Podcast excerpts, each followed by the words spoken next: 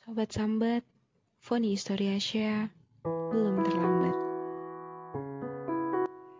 Oke okay guys, jadi di podcast kali ini aku pengen bikin season yaitu Sobat Sambat.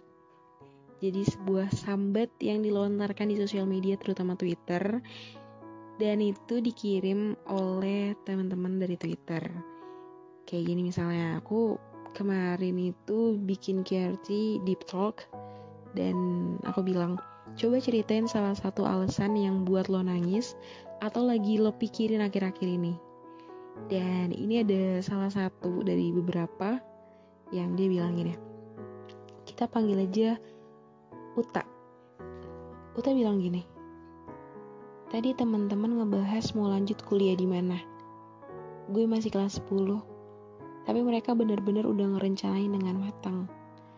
Sedangkan gue bingung mau gimana, mau jadi apa nanti di masa depan, dan harus apa.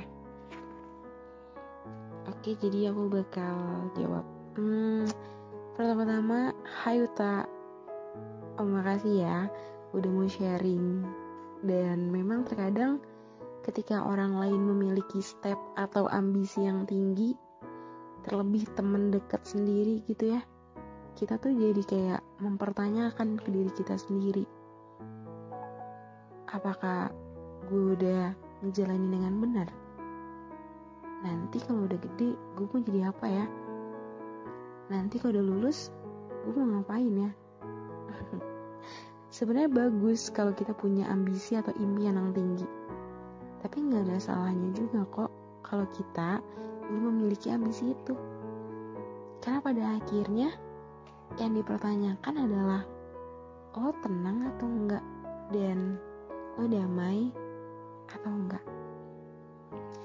Tapi menurut aku ya Uta kamu belum terlambat untuk menyusun semuanya ke mana arah langkah selanjutnya.